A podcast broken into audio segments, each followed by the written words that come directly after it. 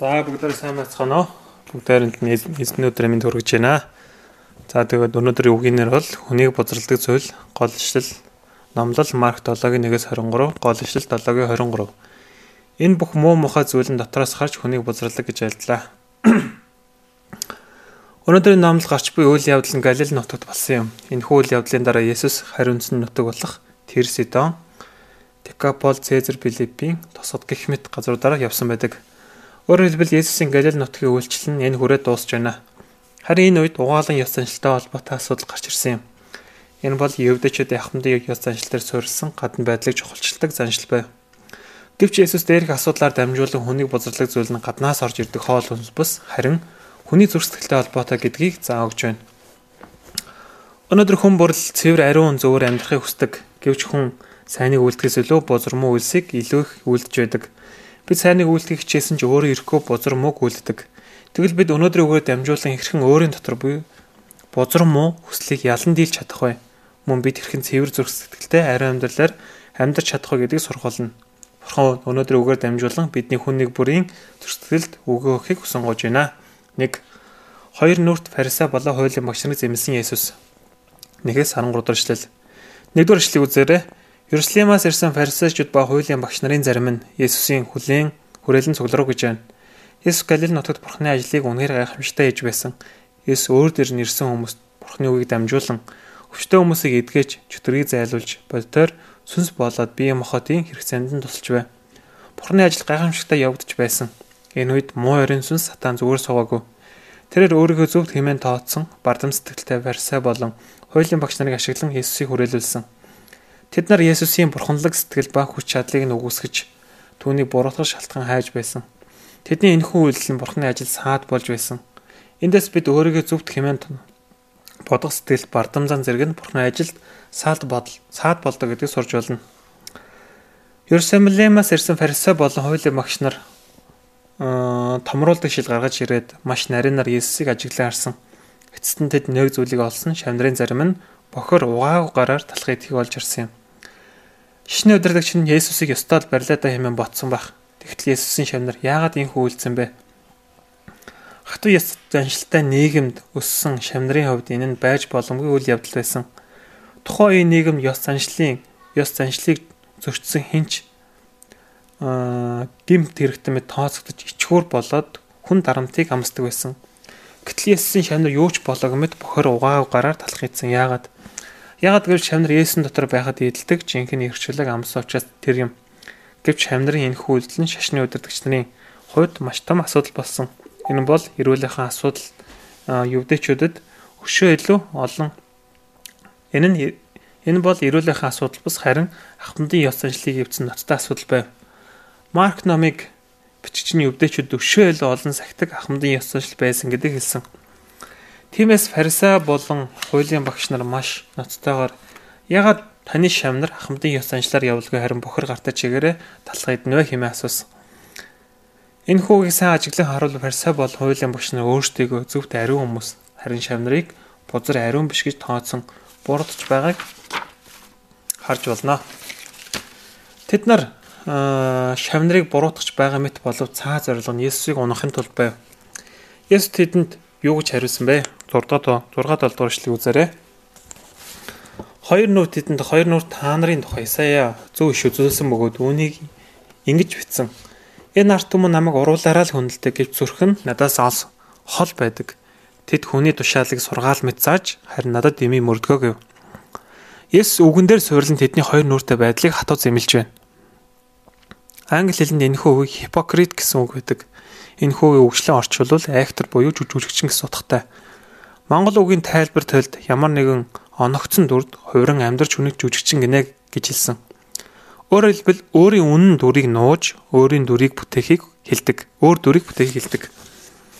Энэ бол хоёр нүрт хүний дүр төрх юм. Фарисеа болон хуулийн багш нар гараа сайтрагчинг угаадаг байсан тэдний дотор дээрэм тонол, хувийн сонирхол, бартамзан, шунал үслэр дүүрэн байсан.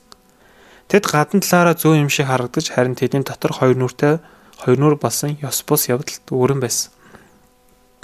Тэгвэл тэдний хоёр нүртэй болсон шалтгаан нь юу вэ? Нэгдүгээрт тэд уруулаараа бурхныг хүндэлдэг гэвч зөрсдгөл нь бурхнаас алсаалсуул байсан. Тэд уруулаараа Бурхныг хинээс ч илүүгээр Бурхныг хайрлаж, магтаж, хүндэлдэгч зүрх сэтгэлэн Бурхнаас алсуул байсан. Тэд синагогт Бурхныг магтаж хүмүүсийн нүдэнд итгэлтэй сайн мэд харагдаж гэртээ арайд ихнэрийн ихнэртэй хүний аргаар хандаж гомдлож бусдыг муулдаг байсан. Тэд синагогт бурханлаг итгэлтэй зүйл ярддаг хэрнийг гэртээ үйл итгэгчдтэй адил шалгуур болдог байсан. Тэд Библийг хичээнгүү сургадаг боловч өөрсдөө гимшлийг хэрэгжүүлдэггүй байв. Тэдний ийм хоёр нүртэй болсон шалтгаан нь Бурхны өмнө амьдрахгүй хүний өмнө амьдрсантай шууд холбоотой. Тэд Бурхны алдар ба магтаалыг хагас илүү хүний магтаал алдар ба магтаалыг хайсан. Тэд Бурхны өмнө өөрсдөө төлөв дараа болон өөрийн гмийг хүлэн зөвшөөр чин сэтгэлээсээ гимшин очтдгүй байсан. Харин очтдгүй байсан. Хүн ер нь Бурхны өмнө чин сэтгэлээсээ гимшихгүй байх үед өөрөө ч мэдлэг хоёр нүртэй амьдралаар амьдардаг. Итгэлийн амьдрал бол амаараа уруулаараа хийдэг ёс төдий шашинцсан амьдрал бос харин чин сэтгэлээсээ буюу дотоод зүрх сэтгэлийн өөрчлөлтөөр амьдрдаг амьдрал билээ.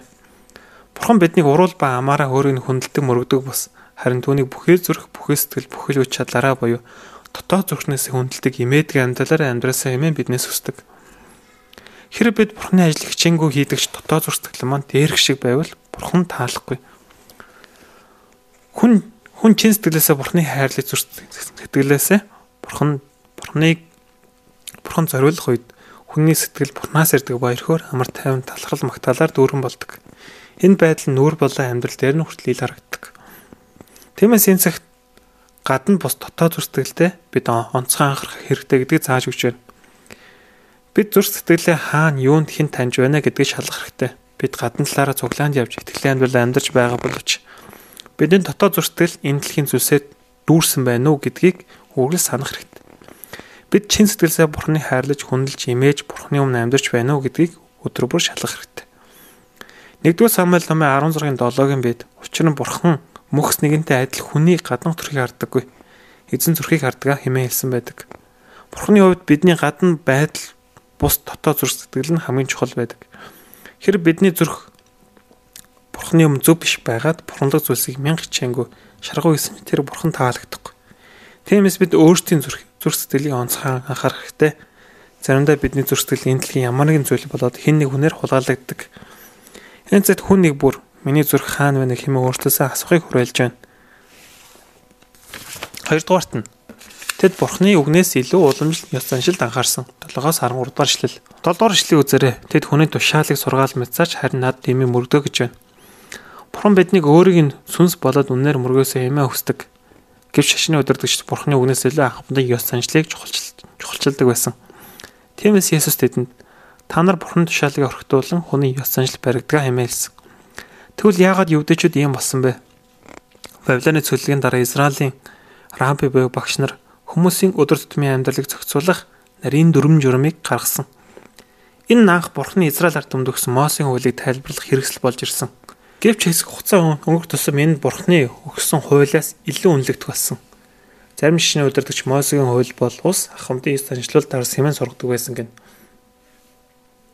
гэн. 9-13 дахь эшлэгийг үзээрэй. Есүс юудэчүүд хэрхэн бурхны хуулийг зөрчдөг талаар тайлбарлсан. Бурхан эцэгхээ үндл эцэгхээ хараагч нь өгөх ёстой хэмээн тушаасан. Энэ бол Мосегийн 10 хуулийн нэг. Энэхүү хууль нь эцэгхээ үндгэлтэй хандахыг маш ноцтой анхааруулсан бурхны үг байсан. Гэв шишний удирдагчид бурхны энэхүү үгийг маш гаргамаа зөрчдөг байсан. Евдээчүүдэд ам дамжин ирсэн нэгэн уламжлал байсан бөгөөд энэ корбан юм. Корбан гэдэг үг нь бурхан зориулагдсан юм гэсэн утгатай. Евдээчүүд бурханд өргөцсөн мал амтан, үр тайраа, эд хөрөнгө, мөнгө зэргийг цааш нь хийхэд корбан гэж нэрлэдэг байв.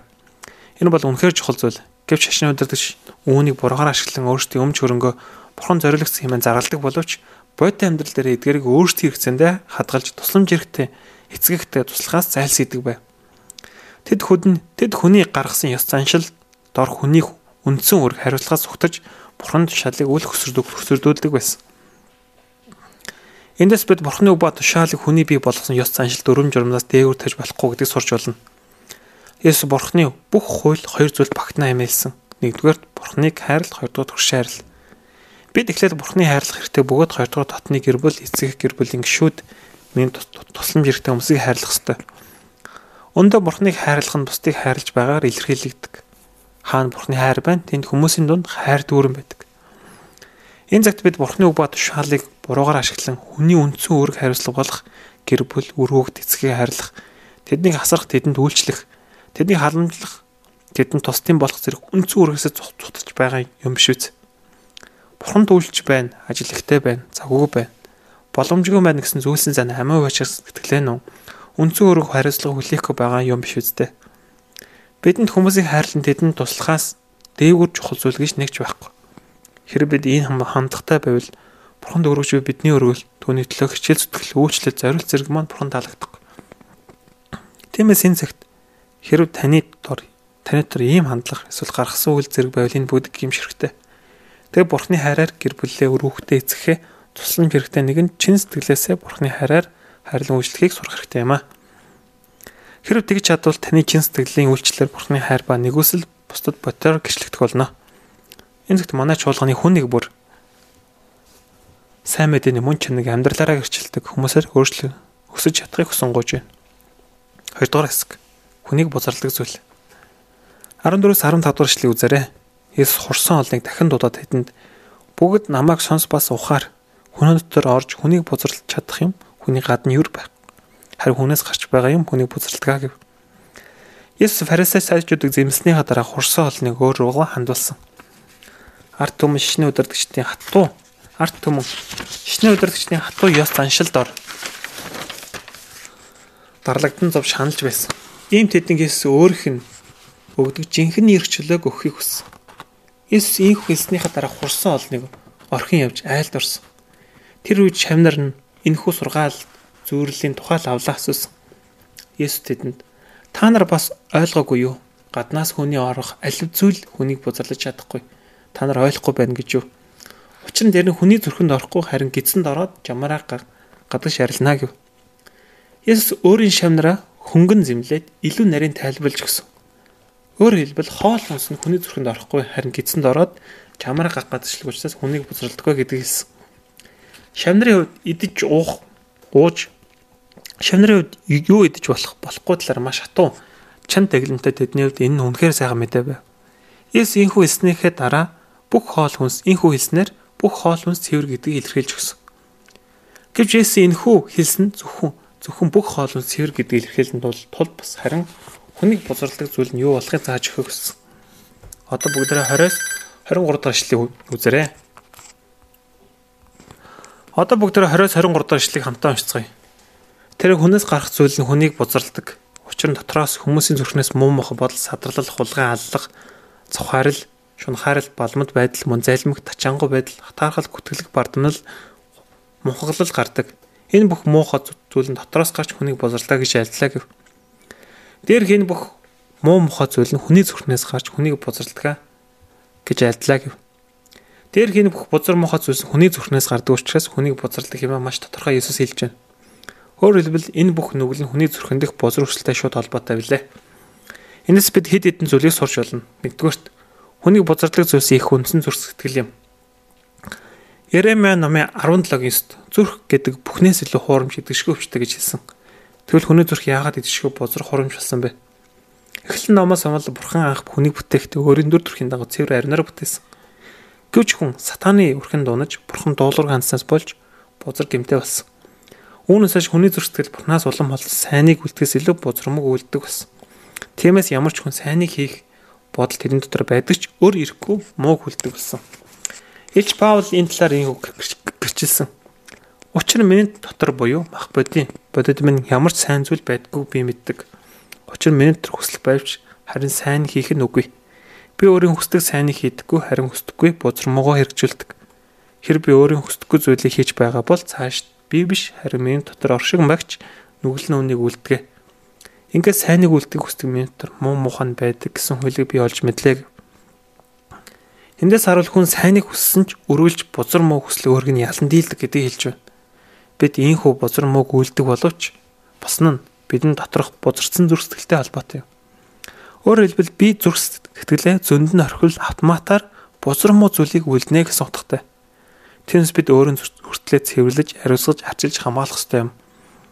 Хоёрдугаарт нь хүнийг хүний зүрхийг хийсэн цусал цэвэр болгодог. Хуучин гэрээнд Хэрэг хүн гим үйлдэл ямар нэгэн амьтны цусыг урсган байж цэвэр хэмээн тоосгдож гимэнтлэх уучлалыг авдаг байсан. Гэвч хуучин гэрээний энэхүү тахлын систем нь хүний зүрх сэтгэлийг бүрэн цэвэр болгож чаддаггүй байсан. Өөрөөр хүн амьтны цусыг урсган дахил өргсөн ч дахин дахин гимүүлцээр байсан. Тиймээс бурхан хүний бузар зүрхийг бүрэн цэвэрлэхийн тулд үрд мөн хүчтэй Иесус цусыг асгаруулсан юм. Еврей номын 9:13, 3-аас 14-д учир нь мах бодийн мах бодийг цэвэршүүлэхийн тулд бузар цэгцтийн дээр ямааны болоод бухын цус охин бэрөөний үнсийг цацаж ариусгадаг юм бол тэгэд тусмаа мөс сүнсээр өөс өвөө өөрийгөө бурхан дургсан Христийн цус мөс чанарын маань үхлийн үлээс цэвэрлэж амьд бурханд үйлчлүүлсэн шүү дээ хэмээлсэн. Энд хүний мөс чанар буюу зүрх сэтгэл Есүс саар дамжуулан бүрэн ариусгаж шинэлэгдэх боломжтой болсон гэдгийг хэлж байна. Хэн ч Есүс миний гмийн төлөө цусан асгаруулсан гэдэгт чин сэтгэлээсээ итгүүл тухайн хүний зүрх сэтгэл гайхамшигтай өөрчлөлт орж өмнө үйлдэж байсан гин ба бузар мөслийг ялан дийлж чаддаг. Тиймээс зөвхөн Есүсийн цусл бидний бузар зүрхийг цэвэрлж чадна. Энд сууж байгаа бид бол үүний бодит гэрчнаар юм. Өмнө манай ч болгоны хончид Есүс итгэхээс өмнө янз бүрийн гим үлдэж гмийн болоор амьдарч байсан гэж бурхны хайр ивэл хончинтой уулзж библийн хичээлээр дамжуулан Есүс миний гмийн төлөө цусаа асгаруулсан гэдэгт итгэсэн. Тэр мөчөөс эхлэн өмнө нүүлдэх байсан гин ба бозрол бозор зүйлсийг орхиж бурханд өөчлөн энэ цаг үеийн авралын ажлын нэг хэсэг болон хэрэглэж байна. Энэ бол зөвхөн Есүс Христосийн цуснд итгэсний хавьяа юм. Гэвч бид Есүсийг өөрийн аврагч эзрээ хүлээн авсан заримдаа сайныг үлдэхээс илүүгээр бозром үслийг даган том жижиг гимиг үлдэх үе байдаг. Хэрв тийм бол бид яах ёстой вэ? Бид ганц удаа Есүсээр зүрх сэтгэлээ угаа цэвэрлдэг бус хөтөр бүр зүрх сэтгэлээ анхаарч хамгаалах ёстой. Тэгвэл бид яаж хамгаалах вэ? Нэгдүгээрт өдөр бүр Бурхны үгээр зүрх сэтгэлээ дүүрэн байлгах хэрэгтэй. Хүний зүрх сэтгэлөөрөө савшиг учраас ямар нэгэн зүйлээ дүүргэх хүсдэг. Мөн дээрэс нь хүний зүрх өөрөө бузар очир үргэлж гмийн бодлоор дүүргэд амархан байдаг. Тиймээс бид зүрх сэтгэлээ Бурхны үгээр дүүрэн байлгуул муу бодлыг арилан сайн хүслээр дүүрч ариун зөвхт хүнээр амьдрч чаддаг. Тиймээс дуул номын бичгч нь залуу хүн зам мөрөө хэрхэн цэврээр хадгалах вэ? Таны үгийг сагснаар билээ хэмээлжээ. Бид өдөр бүр бурхны үгээр дөөрвөл бузар муу хүслээс өөргөө хамгаалж чадна. Тиймээс манай чуулганы хүн бүр өдөр бүрөө идэх сэтгэл бичих библи унших зэрэг хувийн сүнслэг цагуудыг амьдралын нэг хэсэг болгосноор бурхны үгээр дүүрч бузар муу хүслийг ялан дил сайныг үлдэх хүмүүс болж чадахыг хүсэн гоож байна. Хоёрдугаарт нь бид бодол санаагаа сайн мэдэн төлрүүлэх хэрэгтэй. Ром номын 8:6-ад амх бодийн бодол санаа бол үхэл сүнсний бодол санаа бол амба амба амар 50 гэж хэлсэн. Хүн юу гих бодно тухайн зүйл нь зүрстгэл нь суугдаж амьдралын нэг хэсэг болдог. Хэрэг бид мах бодийн зүйлс буюу сүнслэг бус зүйлсээр бодол санаагаа дүрсээр байвал энэ бидний зүрстгэл суугдан өөрөө ирэхгүй эдгэрийг үйлдэ амьдардаг. Харин бид эсрэгээрээ сүнслэг зүйлсээр бодол санаагаа дүүр дүүрэмгсээр байвал Сүнслэг бодол санаа бидний зүрх сэтгэл Тиймээс бид бодол санааг сайн мэдэрний төлөө Бурхны төлөө сүнслэг зүйл, сүнслэг бодол санаагаар дүүрэн байлгах хэрэгтэй. Тэгвэл бидний зүрх сэтгэлд мах бодийн бузар муу хүслийг дүүрэх дүүрэх боломжгүй бол бид мах бодийн хүслээс илүүгээр сүнсний зүйлсийг бодож амьдрал амьдрснаар зүрхний бузар муу хүслийг зүрхээр зүрх сэтгэлээ хамгаалдаг хүмүүс болж чадахыг хүсэн гуйж байна. Дүгнэлт Өнөөдрийн үгээр дамжуулан бурхан бидний гадна байдлыг бас дотоод зүрх сэтгэлийг илүү хардаг гэдгийг сурлаа. Мөн биднийг бузралдаг зүйл нь гадна байдаг бус харин миний дотор бузар зүрхний өсөлтөй холбоотой гэдгийг сурлаа. Мөн зөвхөн Есүсийн цусаар л хүн бузар зүрхний өслийг ялан дийл сайныг үлдэх боломжтой. Тиймээс бид энэ цагт өдрө бүр бурхны үг ба хариун сүрээр дүүрч бузар муу зүрхний өслийг ялан дийлснээр сайныг үлддэг бурхны хаан тахилж ариун үндэстнээр амьдарч чадах гэсэн гооч. Амен. За баярлалаа.